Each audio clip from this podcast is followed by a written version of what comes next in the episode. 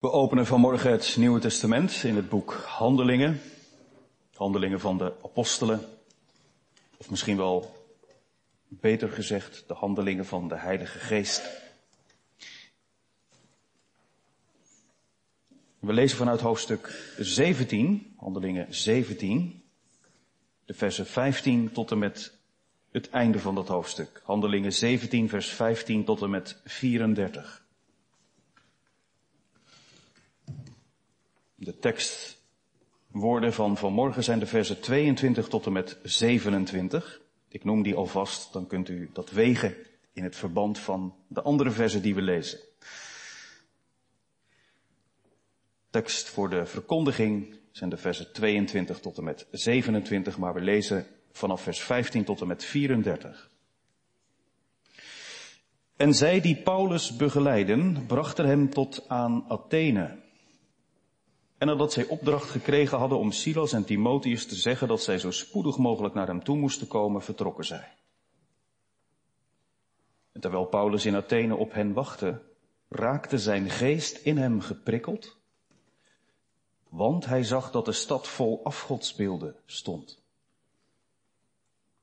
Hij ging dan in de synagoge, in gesprek met de Joden en met hen die Godvrezend waren en iedere dag op de markt met hen die hij er tegenkwam.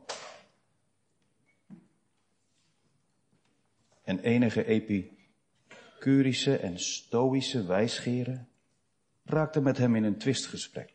En sommigen zeiden, wat zou deze praatjesmaker toch willen zeggen?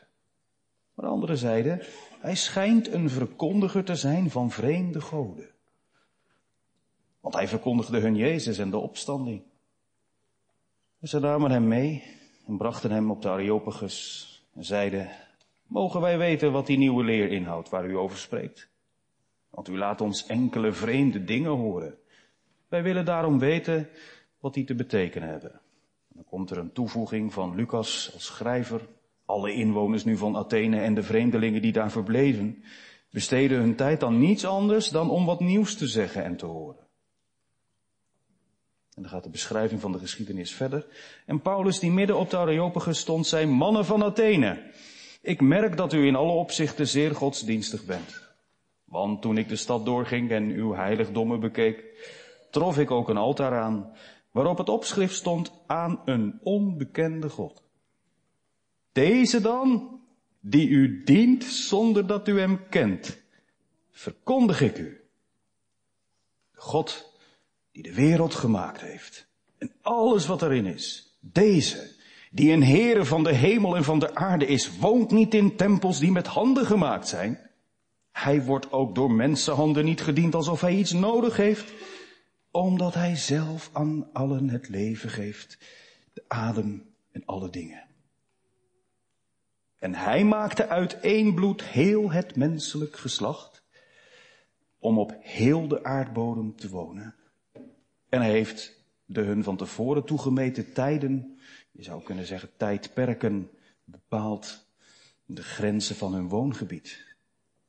Opdat zij de Heere zouden zoeken, of zij hem misschien al tastend zouden mogen vinden, hoewel hij niet ver is van een ieder van ons. Want in hem leven wij, bewegen wij ons en bestaan wij.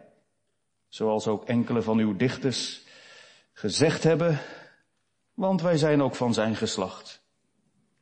Wij nu, die van Gods geslacht zijn, moeten niet denken dat de Godheid gelijk is aan goud, zilver of steen, een product van de kunstzinnigheid en gedachten van een mens.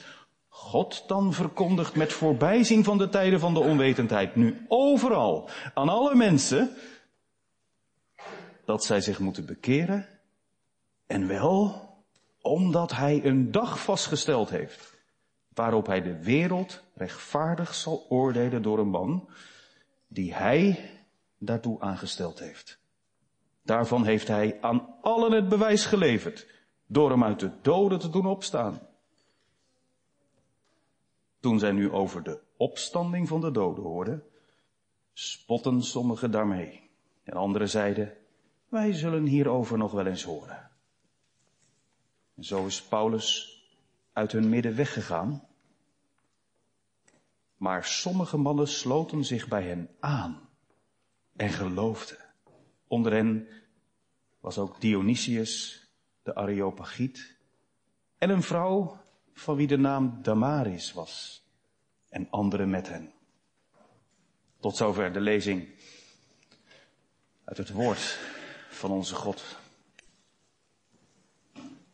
Geliefde gemeente, ik wil met u en jou lessen leren van Paulus als het gaat over hoe wij het goede nieuws van het evangelie kunnen brengen aan mensen die niets of in ieder geval hele andere dingen hebben met God dan wij.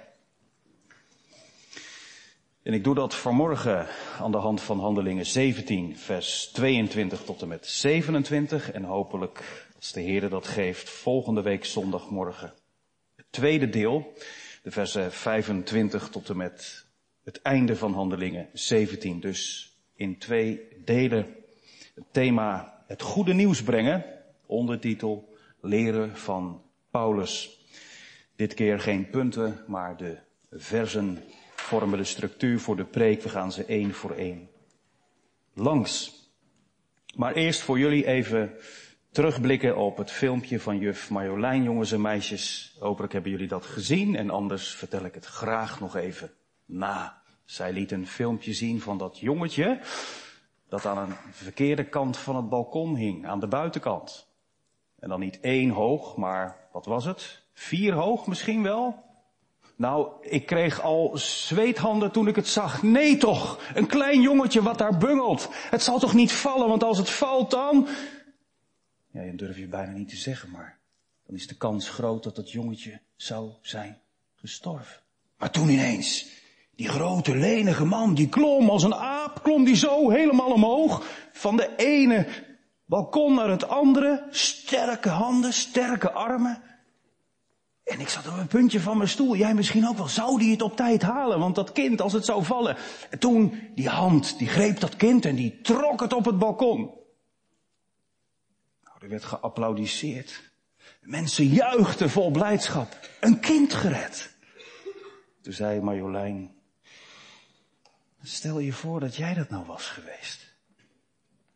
En dat die man die jou heeft gered, bij je in de flat kwam wonen. En je zo nu en dan een praatje met hem hield. Weet je nog? En dat jij dan op een dag, ergens onderweg, een meisje in het water ziet vallen. En je ziet dat die man die jou gered heeft er ook bij is. En die steekt zijn hand naar dat kind uit. Weet je wel, die grote sterke hand die jou ook had gered en gegrepen. En je ziet dat dat kind al spartelend zich vast wil houden aan, aan de kant en aan het riet. En, en stel dat dat kind dan zou bewegen naar een boom of zo, dan zeg je niet doen. Dat helpt helemaal niet. Die boom beweegt niet. Die kant komt niet naar je toe. Grijp de hand. Grijp de hand van de redder. Ik weet het zeker, hij kan het. Mooi hè? Als je zo zelf door de Heere God gered bent. Want als dat niet zo is, dan loopt het echt heel slecht af. Hè? Het komt niet zomaar vanzelfsprekend een keertje goed. Hè? Zo van nou, ik ging naar de Laankerk en ik, ik zong mee en ik heb gebeden. Maar dat je zeker weet dat je zonden vergeven zijn. En dat kun je zeker weten. Daar hebben we het al zo vaak over gehad. Maar dat je ook weet. Oh, er zijn zoveel jongens en meisjes. In Kralingse Veer. In Capelle. In Krimp aan de IJssel. En omgeving, hè die de Heer Jezus niet als hun redder kennen. Stel je voor dat ze verloren gaan. Zeg dan maar veel en vaak tegen ze. Grijp toch de hand van de Heer. En als ze dat niet snappen, misschien moeten jullie dat maar gewoon in je eigen taal zeggen. En niet in de taal van een dominee. Zeg dat maar gewoon eenvoudig wie de Heer Jezus is. Dat ze hem nodig hebben, hè. Maar ook dat hij op ze staat te wachten. Als jullie dat onthouden van de preek, en ook in gedachten houden als je de rest van de preek gaat horen, zou ik heel dankbaar zijn. Ja, gemeente, Paulus doet eigenlijk niets anders dan dat kind waar ik het over had dat gered is. Hij heeft daar al zo vaak over geschreven in zijn brieven. Hij kan dat niet onder woorden krijgen. Hij zoekt naar woorden. Ik Ik ook. Ik ben gered. Door Gods genade ben ik dat ik ben. De voornaamste van de zondaren. Als een misgeboorte erbij gerekend. Wat een woorden. Maar die houden hem niet tegen, hè? Om hoog op te geven van de Heer. We komen hem tegen in Athene. Ik ga even voorbij aan de aanleiding waarom hij hier terecht gekomen is, maar de Heilige Geest heeft er de hand in dat Paulus op het juiste moment op de juiste plek is. Geloven we dat? Daar hoef je geen grootste visioenen voor te hebben. Gewoon doen wat de Heer van je vraagt op de plaats waar je gesteld bent, waar je werk hebt gevonden, de collega's, de studenten, de kinderen op school. Heren, wat kan ik vandaag betekenen? Nou, Paulus, die is in Athene en die moet wachten. Er zijn mensen weggegaan om Silas en Timotheus te zeggen dat ze zo spoedig mogelijk naar Paulus moeten komen in Athene. En dan gaat hij niet zitten wachten tot ze er zijn. Met de luiken op uh, dicht en de deur op slot in een hoekje. Nee, terwijl Paulus in Athene op hen wachtte. Raakte zijn geest in hem geprikkeld. Waarom? Omdat hij naar buiten ging. Hij liep daar door Athene en hij zag dat die stad vol afgodsbeelden stond.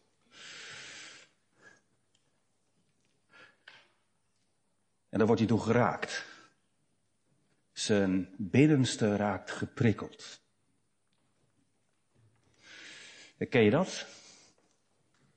Als wij leren, hè, straks beginnen we vanaf vers 22 te luisteren naar de woorden die Paulus spreekt, maar als wij leren van Paulus dat je allereerst je ogen moet gebruiken. En dan niet veroordelend, hè, maar als je door de markthal loopt in Rotterdam, als je langs de Kuip rijdt als er een uh, voetbalwedstrijd wordt gespeeld of allerlei happenings. Maar je komt ze ook gewoon tegen in de refobladen, de afgoden. Een prachtige meditatie over ootmoed en daarnaast een bankstel van hoeveel euro? Kan goed zitten. Maar het kan je ook wel zo vervullen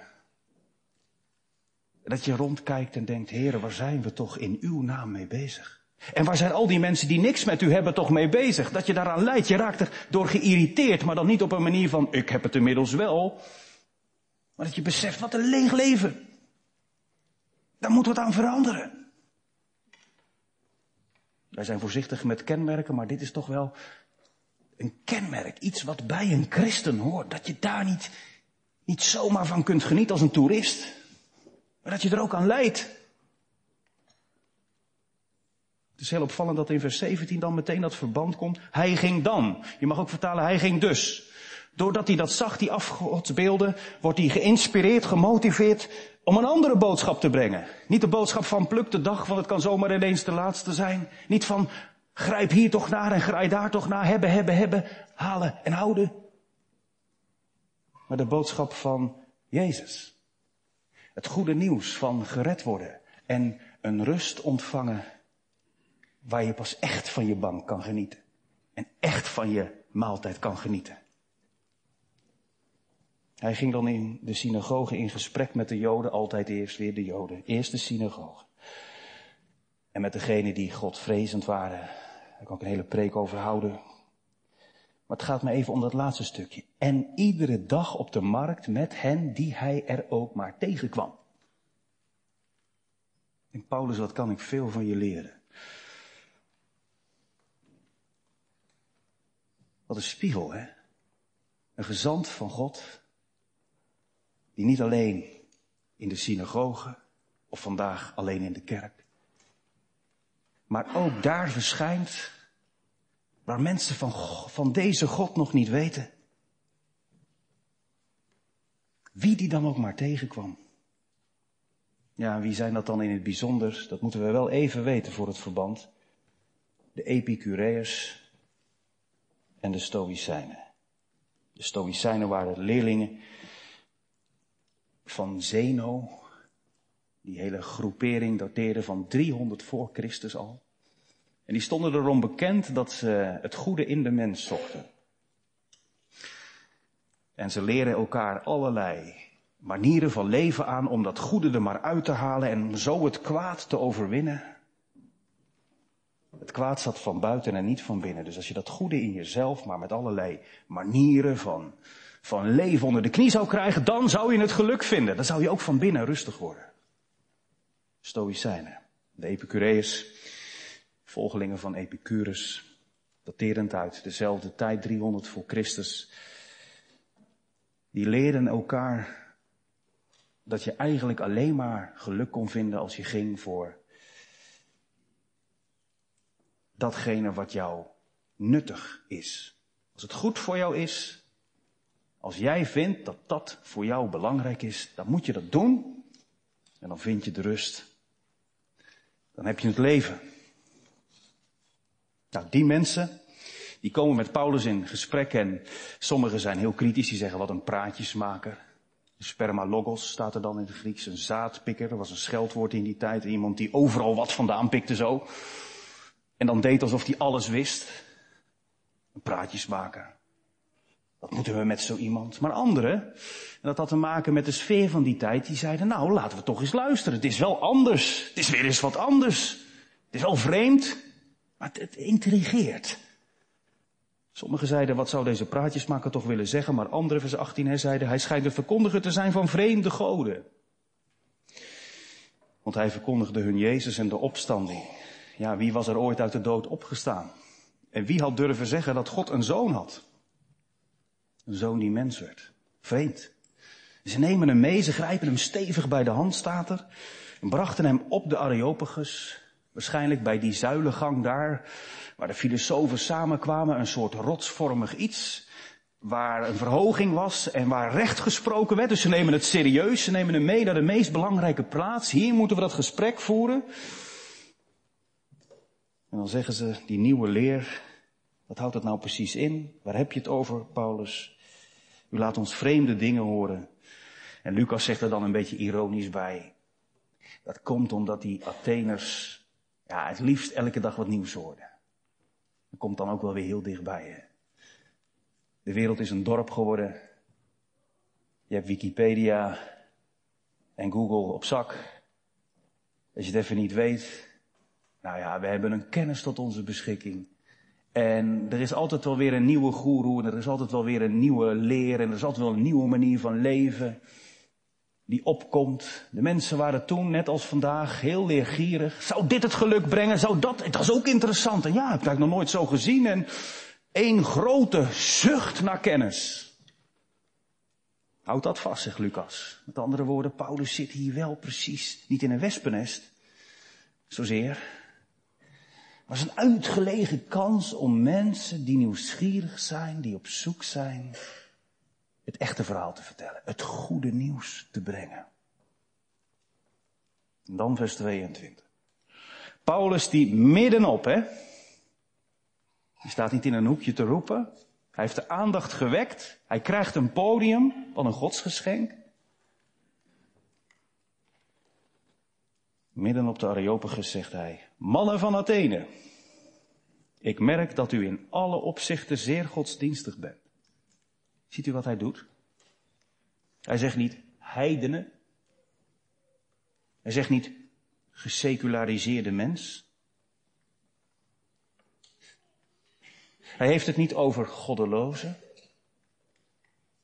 Hij heeft het niet over onverstandige of dwazen.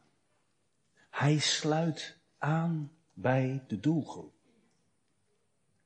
Wat is dat een les als u met collega's die ja, inderdaad opgaan in een wereld van het moet nuttig zijn, ik moet er vandaag wat aan hebben. Mensen die het goede in zichzelf zoeken en daardoor steeds weer teleurgesteld zijn, ook in anderen. Dat je aansluiting zoekt bij waar ze zitten.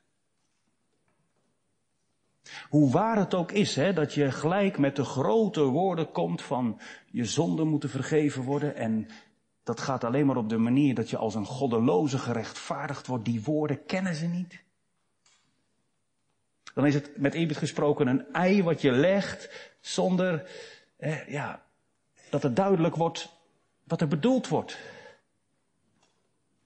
Hij steekt in bij waar ze zitten. Jullie zijn alleszins religieus. En hij geeft daar nog geen oordeel over. Hij probeert hun aandacht te wekken. En er zit eigenlijk ook wel een soort vraag in, hè, van wat dan? Wat is die religie van u dan?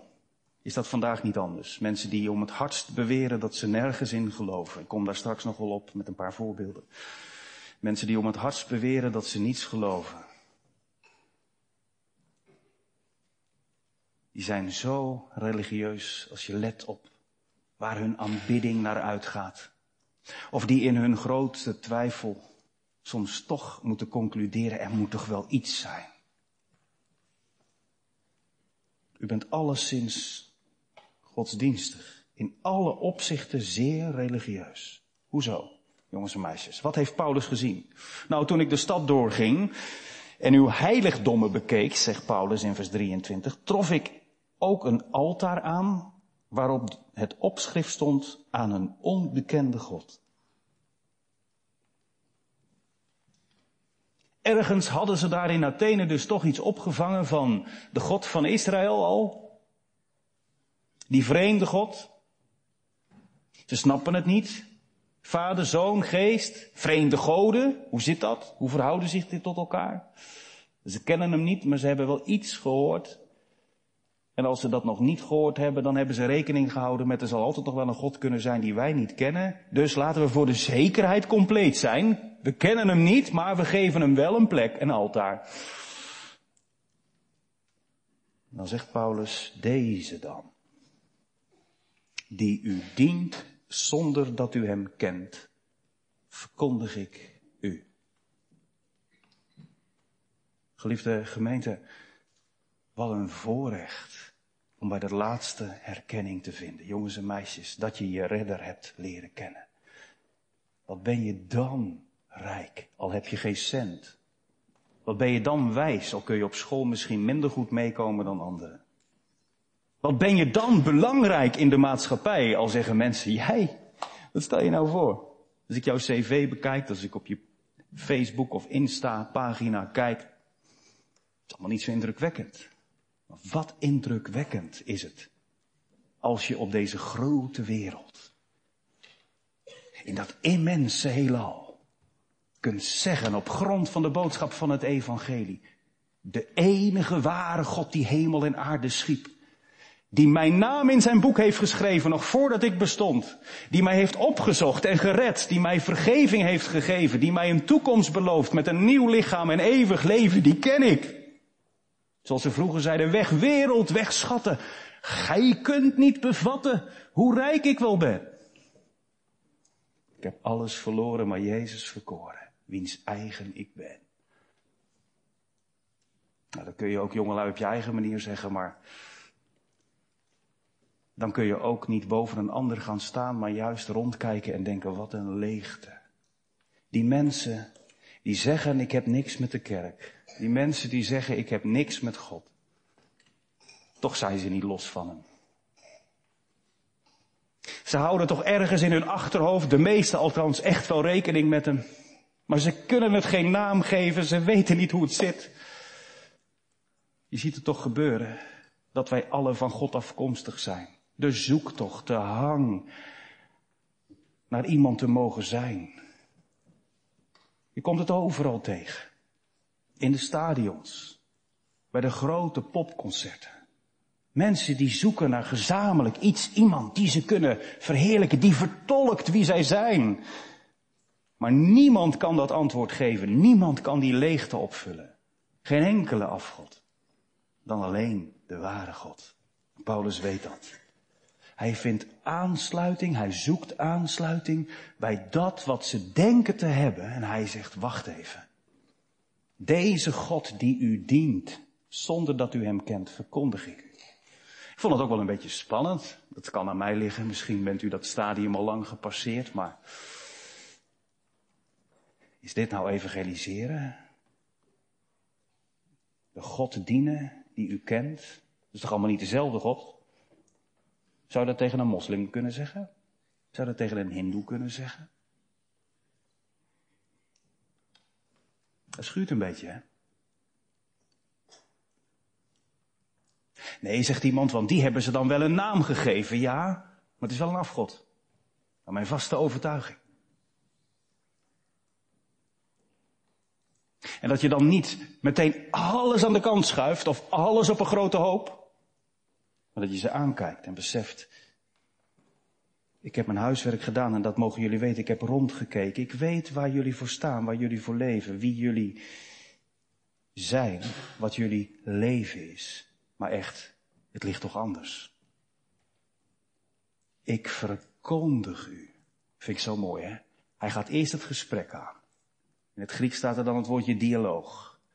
Hij luistert, hij zoekt, hij probeert binnen te komen, aansluiting te vinden, maar het komt er wel van hoor. Het is niet zomaar gezellig even wat, oh vind jij dat? Nou, ik vind het zo, maar de verkondiging. Het gaat ergens om. Weet je nog, jongens en meisjes? Het is of doodvallen of opgevangen worden. Of verdrinken of gered worden. Dat, daar gaat het om. En natuurlijk, dat duurt echt nog wel even. En hopelijk volgende week zondagmorgen krijgen we de tijd om dat te benadrukken. Maar Paulus heeft het hier nog niet over Jezus en nog niet over het laatste oordeel. Hij heeft het over hun godsdienst. En hij zegt, jongens, mannen, mannen van Athene, met al jullie religie, met al jullie gedraaf, met al jullie gezoek. Je weet nog steeds niet wie God is, maar ik wel. En daar heb ik het nou zo graag over. Dat is mijn roeping. Daar kan ik niet over zwijgen.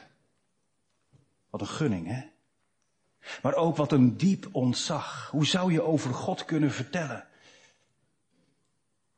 Als je niet Hem kent. Er zullen dames in ons midden zijn die zeggen, als ik vraag wat voor auto rijdt uw man, dan zeggen ze ja, hij is zwart, twee spiegels.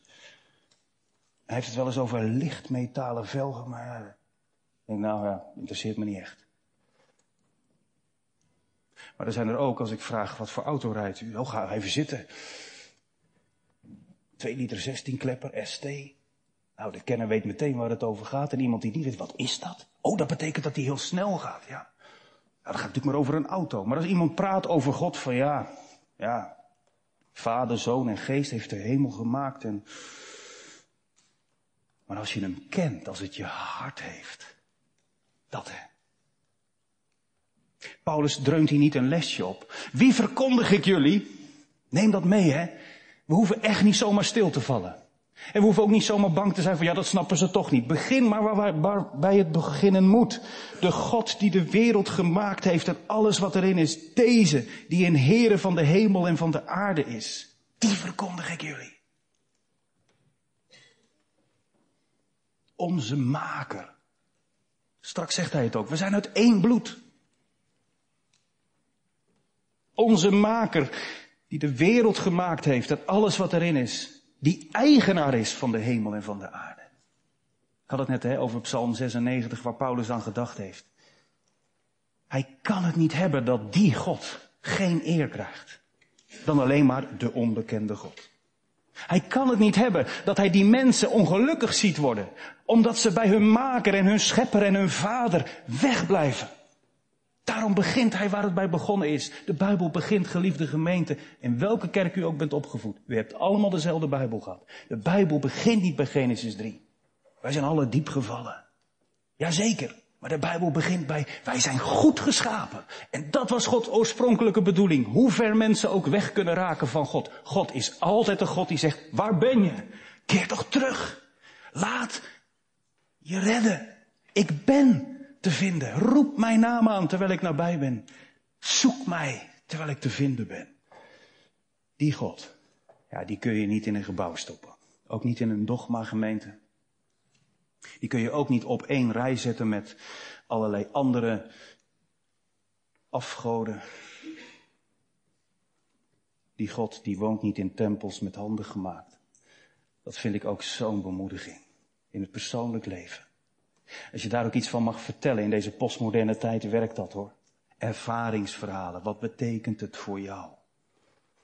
Het is een universele waarheid, dat geloof ik, maar ach, wie ben ik om een ander te overtuigen? Ik zeg dat in het vertrouwen dat de geest dat doet, maar waar ik wel ook gebruik van mag maken is wat die God voor mij is. En wie die God voor mij is en wat hij doet. Ik hoef, als ik vastloop in tranen, door een hele nare gebeurtenis in mijn leven niet naar de Laankerk te hollen. En hier op het podium te knielen. Heere God, hebt u tijd voor mij. God is groter dan deze kerk. God is groter dan de wereld. God is groter dan de nood. God is groter dan zijn schepping. En zelfs als ik het moet af laten weten. Ik vond het zo treffend, zo'n rijk getuigenis gisteren in de rouwdienst van mevrouw Schinkelshoek toen haar eigen zoon voorging. De God van dat hele kleine vrouwtje waar bijna niks meer van over was gebleven in de kist, is zo groot dat ook als zij niet meer bij hem kon en haar lichaam werd afgebroken, kon zeggen, zijn genade is mij genoeg. En daarom konden we toch zingen, maar de Heer zal uitkomst geven. Want de God van mevrouw Schinkelshoek en de God van Paulus en de God van u die hem dient, die is zo groot. Die belooft een nieuwe schepping, een nieuw begin. Die laat het hier niet eindigen. Hij wordt zelfs ook in vers 25, zegt Paulus, door mensenhanden niet gediend alsof hij iets nodig heeft. Omdat hij zelf aan alle het leven en de adem en alle dingen geeft. Dat is ook zo'n kenmerk van de christelijke God. Wij hoeven niet eerst te betalen. We hoeven niet met heel veel poeha, zou ik bijna willen zeggen. Want dat is er ook op een hele vrome manier in de kerk. Naar hem toe te komen en te zeggen, Heere, kijk eens, hier ben ik. In Micha 6, moet u maar eens nalezen, vers 6, 7 en 8 en verder. Dan zie je dat God dat tegen zijn eigen volk zegt. Wat willen jullie nu? Als je elke keer tot me komt. Ik, ik zie dat er zelfs de bereidheid is om je kind ervoor over te hebben. Maar doe gewoon het goede. Gehoorzaam mij toch. Ik ben niet af te kopen. Dat hoeft ook helemaal niet. Je moet komen in het vertrouwen dat ik alles geef wat je nodig hebt. Hij heeft ons niet nodig. Hoezo? Hij blies de adem in mij. Wij hebben hem nodig. En jongens en meisjes, dat is zo mooi hè, als je dat kunt vertellen aan andere jongens en meisjes. Wat dat is, dat je hem nodig hebt. En dat je uit kunt leggen waarom een andere jongen of een meisje of een man die zomaar oversteekt. Het kan zomaar gebeuren hè. De afgelopen weken was bijna iedere week raak. Het kan aan mij liggen, dat zeggen mijn kinderen dan. Als je met papa meegaat, dan maak je altijd wat mee. Dan valt er iemand om. Dan zit er een jongen met zijn veter in de ketting. En dan is het dit. En dan is het dat. Je hebt zomaar een gelegenheid, toch? Of een jongen die zegt in Krimpen, hoorde ik. Het was wel duidelijk dat hij aangeschoten was. Waar is hier de metro? Toen heeft een van de broeders hem met de auto naar de metro hier gebracht. En ondertussen gevraagd, heb je een Bijbel? Ken je God? Het zijn zomaar van die dingen, van die mensen die op je pad komen. En dat je dan kunt vertellen, ik dien een God waarvan ik erachter kwam, zonder hem ben je nergens. Weet je wat je nodig hebt? Geen drank. Geen aandacht van mensen. Maar een leven voor Gods aangezicht. Een voorrecht als je dat mag doorgeven. In het diepe vertrouwen dat God er dan zelf wel zorg voor draagt. Dat dat zaadje wat je laat vallen niet wordt weggepikt. Maar dat je het meeneemt in je hart. Heren, ik heb gezaaid, u geeft de groei. Tweede opvallende wat dan vervolgens door Paulus wordt gezegd, en ik moet al richting het einde zie ik. Vers 26, wat doet Paulus nou? Hij staat daar tegenover die mannen, die echt wel wat gelezen hebben, die echt wel wat weten, tussen al die afbeeldingen van hun goden. En hij is nog steeds aan het woord, er is nog niemand die hem in de reden valt, en wat zegt hij dan? Die God die ik ken, die ons alle heeft geschapen, maakte uit één bloed heel het menselijk geslacht. Ja, dan gaan ze toch niet geloven. maar hij zegt het wel. En wat bepaalt ons erbij, dat erbij gemeente? Hoe Paulus de mensen ziet. Ik zag pas op Twitter van Kees Kraaien ooit een uh, bericht voorbij komen dat mij raakte. Soms raken zijn berichten mij niet en soms wel. Hij zegt, nu heb ik toch een aangrijpend Bijbelvers gelezen. En hij citeert dan Handelingen 10, vers 28. Petrus, die naar Cornelius moet. En dan zegt Petrus, u weet toch dat het een Joodse man niet toegestaan is om met iemand van een ander volk om te gaan of bij hem binnen te gaan. Maar God heeft mij laten zien dat ik geen enkel mens onheilig of onrein mag noemen. Geen enkel mens. Zo. Ik kan van die evangelische nog wel wat leren hoor. Dat mij ook. Ik denk, hoe snel kun je niet veroordelen?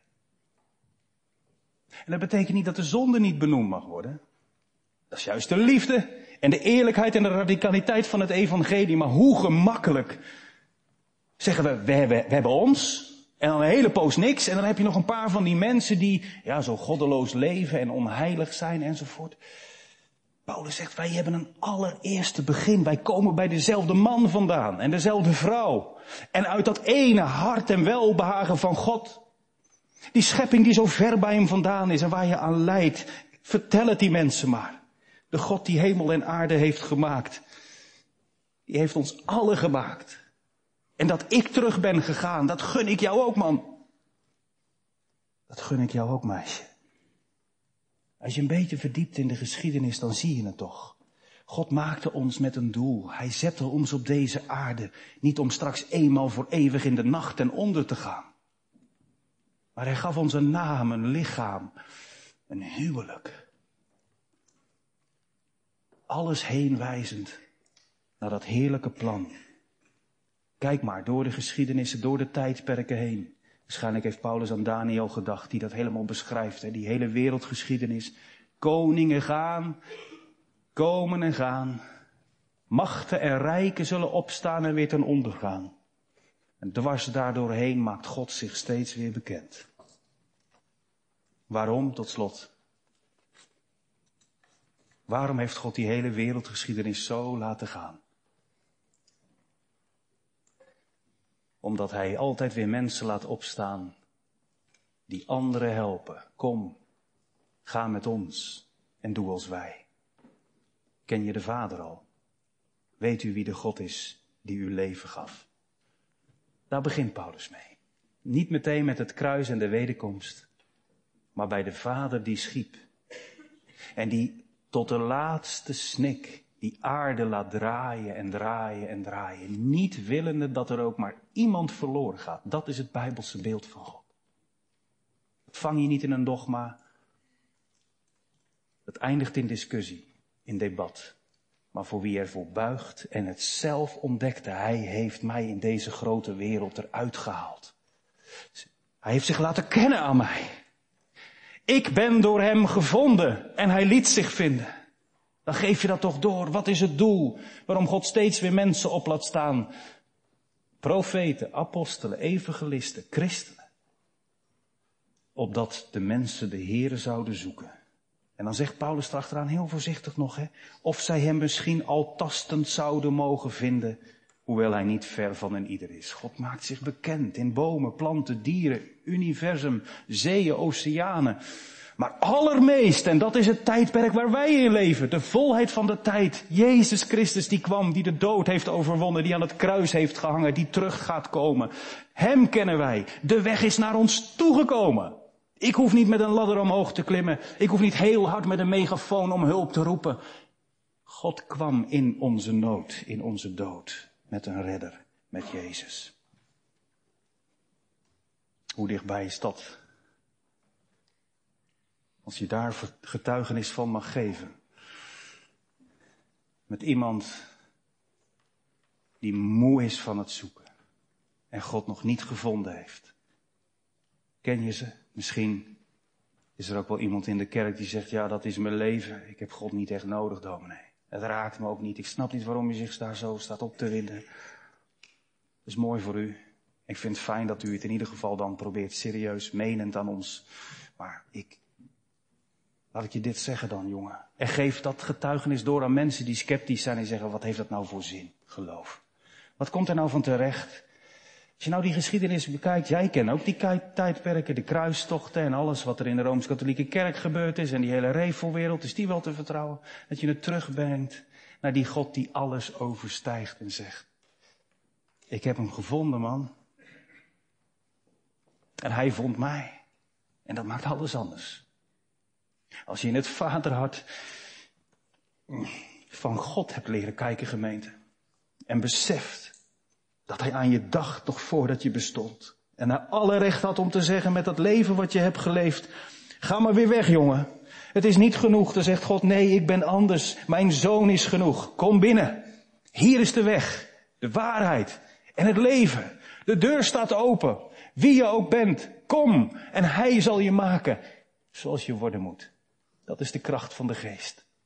En dan zie ik Paulus daar zo staan. En ik weet al hoe het afloopt. Een klein groepje zegt amen. En een heel aantal mensen zegt, mij niet gezien. En zo gaat het al tijden en eeuwen. Maar het feit dat u hier zit en ik hier mag staan, getuigt van Gods grote genade. Nog is de dag van het oordeel niet. Is het voor u? Is het voor jou? Is het voor mijn buurman hier? Is het voor een buurvrouw? Voor die collega? Dat deze preek mij in vuur zet. Om straks voor de troon van Jezus te horen. Je hebt het voor mij gedaan. Dat is wat God graag ziet. Niet als een betaling, maar als een offer van liefde. Dat geven God uit genade. Halleluja. Amen.